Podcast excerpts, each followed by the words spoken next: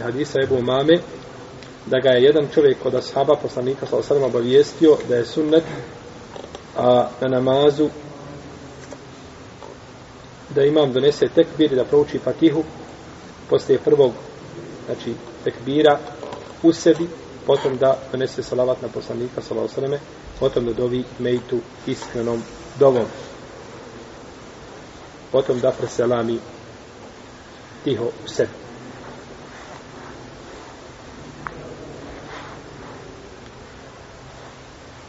Učenje znači salavata prenosi Ebu Umame od jednog od ashaba. Ovaj ashab je li poznat ili nepoznat? Nepoznat, to se zove mubhem. Mubhem se to zove u šerijatu, u hadijskoj nauci. Ako je ashab nepoznat, možemo li onda prihvatiti tu predaju? Može. Zašto? Zato što su svi ashabi povjerljivi. Zato što svi ashabi povjerljivi i pouzdani. Znači, svi ashabi su kod ehlu sunneta pouzdani. Za razliku od šija pokvarenjaka koji tekfiri ashabe poslanika sallallahu alaihi sallam i nazivaju ih pogrdnim imenima i ne prihvataju islam nego par njih i slično tome. Znači od Rafidija ne čine to svi no međutim oni koji to čine su pokvarenjaci.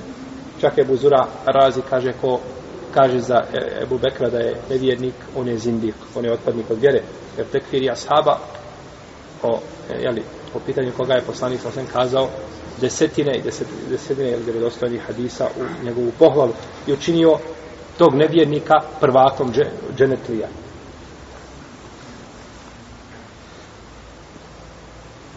Dakle, donese se sala, donesu salavatne poslanika sa osrem.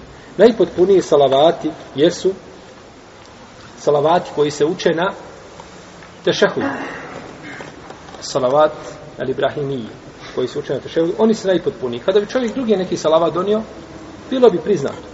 Jer nije navedeno, znači, tačno, nego se kažu da nesu salavati. A ako se donesu salavati, onda je najbolje donijeti one najpotpunije. Nakon toga, a, nakon toga, uči se dova mejtu. U redu. Uči se dova mejtu.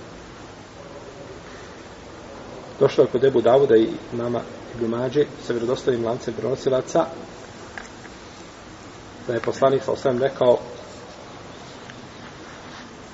Iza salitum ala al-đenaze evo ala al-đenaiz fe ahrisu leha ad-dua kada budete panjali dženaze ljudima činite im iskrenu dobro. I onda je e, spomenuo autor jedno od dova imate tamo u knjizi o dženazi imate skupinu dova šest ili sedam ili više ne znam koliko je spomenuto pogledajući to znači koliko je do vas spomenuto kada je u pitanju a, dženaza i uči se, ove se dove uče u sebi kao i učenje, jel, kao i učenje Fatihe. A to je Nabas što je proučio, kazali smo da je to proučio radi poučavanja ljudi. Nije autor ništa spominjao što se tiče četvrtog tekbira. A, posle četvrtog tekbira isto ima, ispravno je da ima a, da ima dova. To je ispravno mišljenje da ima dova i posle četvrtog tekbira i dovi se, najbolje doviti svim muslimanima. I isto tako, znači, to u knjizu dženazi tamo, za razliku recimo od hambelijskih učenjaka koji kažu da nema te dove. Zato kada klanjate u Mekiju ili Medini dženazu, odmah posle treće dove, odmah posle trećeg tekvira, donosi se četvrti i odmah posle četvrtog se šta? Preselami. To jeste posle dove trećeg donese se četvrti tekvir i onda se odmah se selam, znači ovaj čini, nema dove. Ispravno je da ima i tada, da ima i tada dovoljno.